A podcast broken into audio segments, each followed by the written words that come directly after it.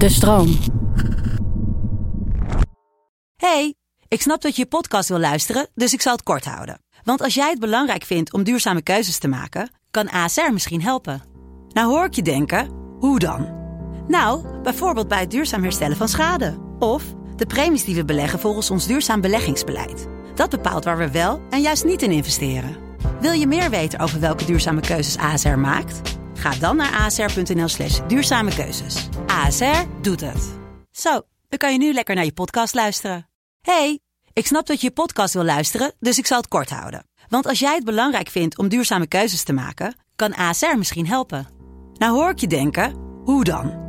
Nou, bijvoorbeeld bij het duurzaam herstellen van schade. Of de premies die we beleggen volgens ons duurzaam beleggingsbeleid. Dat bepaalt waar we wel en juist niet in investeren. Wil je meer weten over welke duurzame keuzes ASR maakt? Ga dan naar asr.nl slash duurzame keuzes. ASR doet het. Zo, dan kan je nu lekker naar je podcast luisteren. Welkom bij Bert ziet sterren, de populair wetenschappelijke podcast waarin ik iedere aflevering een duik neem. Tim, deze zin ken je toch inmiddels uit je hoofd of hoe zit dat? Nou, Welkom Het is, weer even geleden. Mag ik nog een keer De proberen? populair wetenschappelijke podcast waarin ik iedere aflevering samen met mijn goede vriend, vriend en promovendus theoretische natuurkunde, Bert, een duik neem in de wondere wereld der natuurkunde. Eh, ik vind het heel knap dat je het met je ogen dicht doet, maar dat zien mensen niet. Dus ik eh, pak hem gewoon nog één keer op.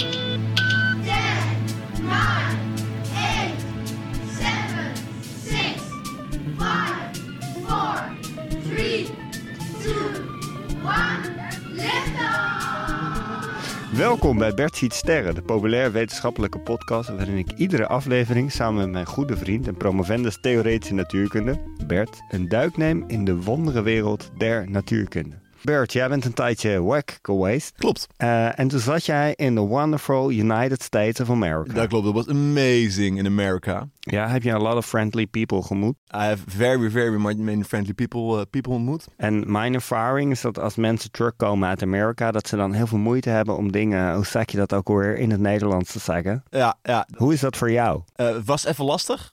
Maar inmiddels ben ik weer helemaal, helemaal terug. En bovendien, ja, ik zat er tussen allemaal internationale peoples. In, eh, Internationals. internationals in Princeton. Eh, dus die praten wel Engels, maar niet het hele Amerikaanse Engels. Zat je met de slimste mensen ter wereld misschien wel? Nou, dat zou ik niet willen zeggen. Ik zat wel met slimme mensen. Heb je Maarten van Rossum gezien?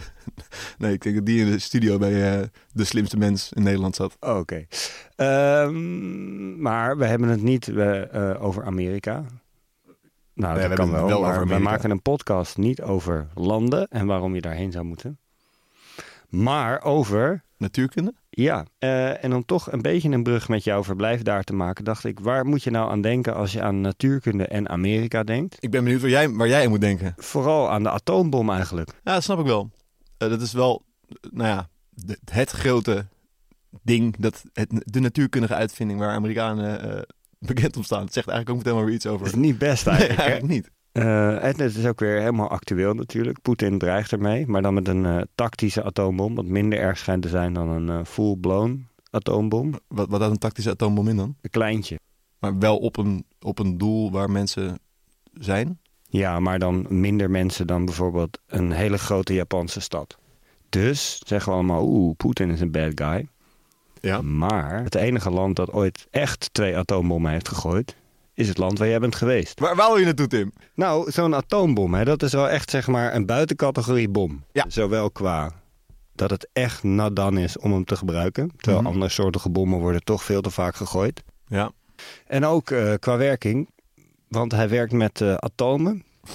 En Heel niet eh, met eh, springstof. Eh, ja, ja, springstoffen zou, zou je kunnen zeggen zijn ook atomen. Ehm, het bijzondere van een atoombom is dat hij werkt met splijtbaar materiaal. En dat is dan meestal uranium of plutonium.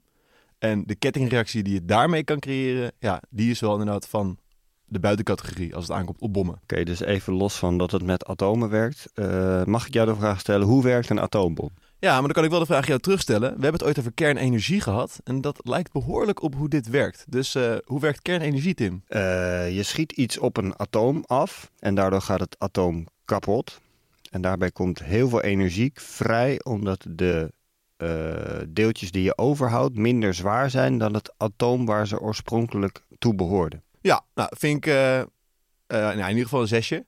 Je hebt specifiek soorten atomen. Dat zijn dan eh, zware atomen die gespleten kunnen worden. En de meest gebruikt is uranium. En dan ook nog specifiek het uranium-235-atoom. En inderdaad, als je op dat uranium-235-atoom iets anders schiet, namelijk een los neutron, dan valt het uraniumatoom uit elkaar in twee brokstukken en wat nieuwe neutronen en een beetje energie. Het belangrijkste hieraan, want je hebt wel meer atomen die dit kunnen, is dat die neutronen die er dus weer vrijkomen terwijl dat uraniumatoom uit elkaar valt, dat die een nieuw uraniumatoom kunnen aansteken. Dat is het allerbelangrijkste aan hoe kernenergie en ook een kernbom werkt. En dan gaat het hard. Dan kan het ineens heel hard gaan. En in een kernreactor, waar we het dus eh, ooit een keer over gehad hebben, is dus het allerbelangrijkste dat je deze reactie controleert. Dus je hebt zo'n speciaal uranium-235 atoom. Dat valt uit elkaar, twee brokstukken, twee of drie nieuwe neutronen. En dan moet je ervoor zorgen dat er precies één van die neutronen een nieuw uraniumatoom aansteekt. En de rest moet je controleren, modereren. Moet je zorgen dat dat zich koest houdt en dat dat niet een nieuw uraniumatoom uit elkaar laat, eh, laat vallen. Eh, dus je wil het afremmen. Bij een kernbom doe je dat dus precies niet. Dus dan gaat het eh, twee of drie. Dan zou je bijvoorbeeld drie, negen nieuwe, Ja, eh 27 nieuwe. Nou ja, en sommige van die neutronen gaan alsnog wel eh, de kernbom uit. Dus het is niet zo dat ze allemaal nieuwe aansteken. Maar je zou wel zien dat er altijd gemiddeld meer dan één nieuwe wordt aangestoken. Waardoor je alsnog een exponentiële reactie krijgt. En dat kennen we allemaal van het R-getal van toen er nog corona was. Eh, en dan komt daar heel veel energie vrij. Ja, als je maar genoeg uranium eh, 235, het kan ook met plutonium 238. Eh, als je dat maar genoeg bij elkaar stopt, krijg je zo'n kettingreactie en komt er heel veel energie vrij. En eh, dan heb je energie en dan hebben alle mensen weer stroom. Ja, dat is de mooie kant van het verhaal. Eh, maar zo is het natuurlijk niet begonnen. Want energie ga je niet per se aan dood, zou ik zeggen. En dan, waarom is dit zo problematisch voor mens en dier en gebouwen? als je gewoon een gemiddelde bom neemt. Eh, en dan is dat een zwaardere bom dan die ooit. Cobra 6. Bijvoorbeeld. Eh, maar een zwaardere bom dan die ooit gebruikt is. Maar ook niet, ook niet de allerzwaarste bom die je kan verzinnen. Een atoombom bedoel je? Ja, een gemiddelde atoombom. Dan is die schokgolf die je alleen al hebt van de explosie. is al genoeg om in een straal van 6 kilometer. gewoon gebouwen omver te blazen. Eh, alle kanten op. En dan krijg je nog een gigantische vuurbal overheen. Ehm, want ja, nogmaals, we hebben het over een gigantische explosie. Ehm 300.000 graden Celsius gewoon in de ultieme nabijheid. Dus dat is gewoon genoeg om eh, iedereen meteen een soort van in koolstof te laten veranderen. Eh, en ook bij zo'n gemiddelde atoombom heb je tot 8 kilometer afstand heb je al kans op derde graads brandwonden. Dat kan ook gewoon genoeg zijn om eh, je te doden als je een beetje er genoeg van krijgt. Ehm, en dit is dan nog voor een gemiddelde atoombom onder gemiddelde omstandigheden. En dan heb je ook nog daarnaast lange termijn effecten van straling op de mensen. Dus bijvoorbeeld die ene bom die ooit, of die twee bommen die ooit gedropt zijn door de Amerikanen. Ja, in de periode daarna, tussen de 5 en 11 jaar, zag je toename van verschillende soorten kanker. En dat heeft die hele generatie doorgeduurd. En ze zijn nu nog aan het kijken hoe dat bij de kinderen van die mensen zit. Er is nog geen uitsluitsel over te geven. Eh, maar dat komt er nog overheen. Best wel bizar eigenlijk, toch? Tenminste, je weet dit allemaal wel ergens. Ja. Als je het dan even door een wetenschapper als jij droog opgezomd krijgt, echt sick. Daar ben ik, ben ik helemaal met je eens. Toen ik hier ehm, klein stukje voorbereiding voor te doen, kwam ik ook weer... Ja, je bent er echt wel stil van. Dat, dit ooit, dat ze dit dus ooit hebben gedaan. En ze liggen gewoon in volko, hè, die dingen. Ook dat. Maar ja, ik vond het ook een bizar idee dat, zeg maar, het ging ook even over Amerika in het begin. Ehm, je groeit het wel op met het idee van Amerika, de beschermer van de democratie, eh, vrije wereld, whatever. Oh, dat heb ik niet gezegd, dat zou ik ook nooit zeggen. Nee, dat weet ik, maar dat is wel hoe je, als je, zoals wij, kinderen van de jaren negentig zijn, hoe, hoe, hoe, je, hoe, je, eh, hoe je dat meekrijgt zie ik als je klein bent. Ja. En als je dan hoort van ja, maar ja, wat ze wel, zeg maar, dat, dat, daar hoort dit wel bij. Dit is een soort van wezenlijk onderdeel van hoe die, hoe die hegemonie van Amerika ooit tot stand is gekomen. Ik heb ook eh, een klein beetje voorbereiding gedaan. En ehm, ik dacht, ik laat gewoon alle moeilijke natuurkunde dingen achter de bom aan jou.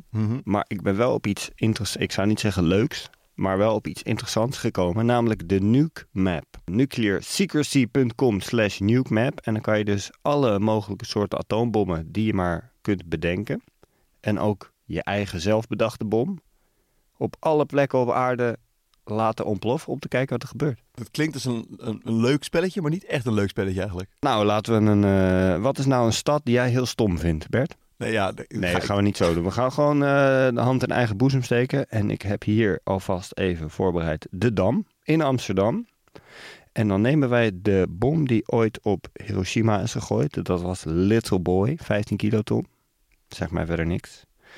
En als je die zou ontploffen, oeh, dan zien wij gelijk dat ik net veilig ben. Dus, dus je bent veilig. Ja, maar jij bijvoorbeeld, jij zit eigenlijk precies slecht. Jij valt nog binnen de derde graads brandwondenzone. Ja, dat is niet fijn. Nee, maar het is wel, het laat wel zien dat gewoon eigenlijk alles binnen de ring gaat kapot. Heftig. Dat is veel, hè, Ja, als je dat bedenkt. Ja. En dan is nog maar een klein bommetje. Ja, nou ja, een klein bommetje, dat is, dat is het soort bom wat je zeg je net, wat ooit gebruikt is. Dus Ja, zeg maar voor een atoombom vrij klein. Want als je de grootste bom neemt die ooit gemaakt is, de Tsarbomba, dan zitten we inmiddels al op een gebied vanaf Den Oever naar Rotterdam naar Apeldoorn, waarin alles kapot gaat als je die op de dam zou ontsteken. Dus zijn we best wel fucked, denk ik, Bert. ja, dat zijn we zeker. Eh, en dan is de vraag: hoe zijn we ooit in deze verschrikkelijke puinhoop terechtgekomen? Nou, dat heeft al, is allemaal teruggeleid op de Tweede Wereldoorlog en het zogenaamde Manhattan Project.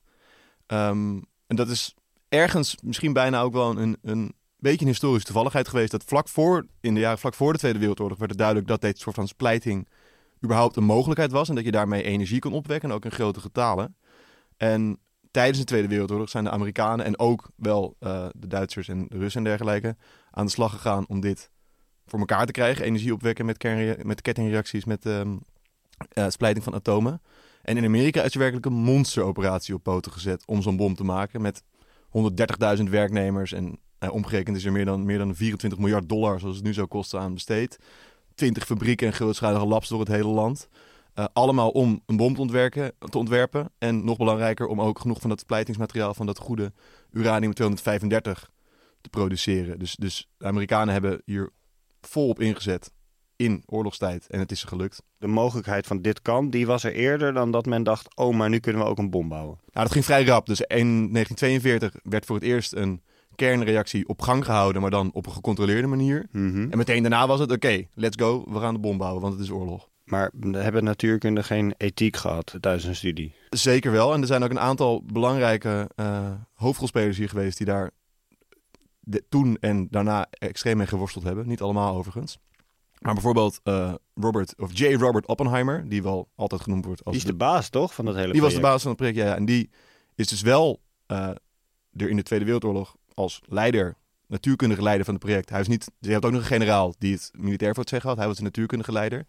Die is meteen nadat het eh, gelukt was, is hij er ook een tegenstander van geworden. En ze hebben dus nog een sterkere bom ontwikkeld, de zogenaamde waterstofbom. Daar gaan we het nu verder niet over hebben. Daar is Oppenheimer toen ook meteen tegen eh, gaan eh, ageren. Dus die wilde niet dat ze nog verder gingen. Die is ook meteen op non-proliferatie en vreedzaam gebruik van, van kernenergie gaan zitten. Eh, en die heeft de rest van zijn leven geworsteld met, met het feit dat, dat hij dit ook deels gedaan had. Ehm, en je kan je ook de vraag stellen, ja, had hij het dan niet moeten doen? Maar hij... Ah, ga maar discussiëren met een generaal buitendienst is al niet te doen. Kan je, na, kan je nagaan met een generaal een actieve dienst? Dat zijn machines, man. Ja, nou ja, misschien is dat, eh, is dat wel wat er hier misgaat. Eh, om toch nog even iets leuks te zeggen. Ik heb echt lang moeten zoeken. Ehm, maar nou, je kan misschien iets leuks zeggen over een atoombom, namelijk... Physical fun fact! Er is een eigenaardige relatie tussen proeven met atoombommen en de naam van de bikini. Na de Tweede Wereldoorlog, in de zomer van 1946, begonnen de Amerikanen een reeks proeven met bommen op het eiland Bikini Atoll, wat onderdeel is van de Marshall-eilanden. En een paar dagen later werd in Parijs de bikini geïntroduceerd. En de ontwerper die heeft hem zo genoemd omdat hij hoopte dat de bikini een explosieve commerciële en culturele reactie zou creëren. Eh, ja, no joke. Tussen haakjes, dat eiland heette eigenlijk Bikini. Eh, Bikini Atoll, dat was het koloniale eh, woord of de koloniale naam die de Duitsers eraan gegeven hebben. Het schijnt zo te zijn dat de eerste Duitser die een bikini zag, zei bikini, atoll. En dat ze daarom de atoll naar de bikini hebben vernoemd. Het is gewoon weer helemaal andersom. Net als je denkt dat je het door hebt, dan, dan draai je Toch niet, hè? Toch niet, toch niet. Ehm, weet ik al voldoende over de allesvernietigende kracht van atoombommen om de Space Elevator Lift in te stappen? Ik denk het wel. Eh, dan zet ik de timer op mijn supersonische Sports Watch. Op één minuut. 1 minuut. Ik stap in de lift. En dan hebben wij het over atoombommen. Eerst maar eens de werking van de atoombom.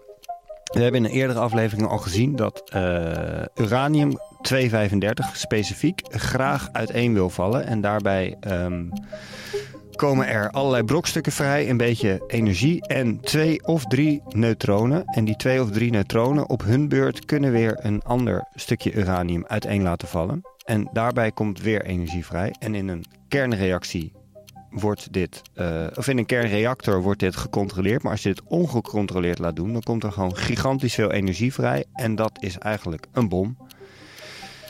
Dat eh, is verschrikkelijk, want die hoeveelheid energie heeft ehm, namelijk de neiging om alles kapot te maken wat er tegenkomt. Namelijk eh, een enorme schokgolf, gigantische temperaturen, derde graad brandwonden en kanker als lange termijn effect. En dan denk je, waarom zou je dit ooit bedenken? Nou, dat was in de tijden van de Tweede Wereldoorlog. Dachten de Amerikanen, hey, misschien kunnen we wel iets met de energie uit uraniumatomen. En toen hebben ze alles op alles gezet om een bom te maken. Dat is gelukt. En het resultaat was eh, gigantisch veel doden in Japan en een minder veilige wereld, zou ik zeggen. Eh, ja, zo is het maar net. Ehm, dat, ja, ik, ik, zou, ik zou wederom een leuke lollige afsluiter eroverheen willen gooien. Maar dat zou ik helemaal niet willen, want het is gewoon helemaal niet zo lollig. Maar het is wel belangrijk, denk ik, om te weten hoe eh, verschrikkelijk verwoestend het is. Ja. Om toch eh, misschien iets minder geneigd te zijn om volgende keer te luisteren naar zo'n generaal buitendienst die zegt, ah, we moeten gewoon meer wapens hebben, supermooi, lekker nieuwe tanks, radar, laser, allemaal nieuwe troepen om onze jongens te beschermen en dan gaan die anderen dood en wij niet. Ja, dat is... eh, Dus op deze pacifistische eindnoot was dit de eerste aflevering van Bert Ziet Sterren sinds Bert terug is uit Amerika. Tatrita.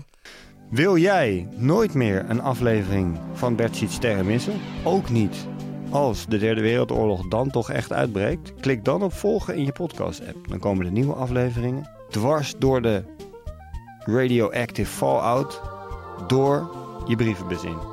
En als je dat aan het doen bent, geef ons dan gelijk een recensie of laat, eh, laat een berichtje achter. Geef ons sterren. En heb je vragen of wil je zelf een onderwerp aandragen? Mail dan naar bertzietsterren.destroom.nl Voor nu, hartelijk dank voor het luisteren. En tot de volgende ster.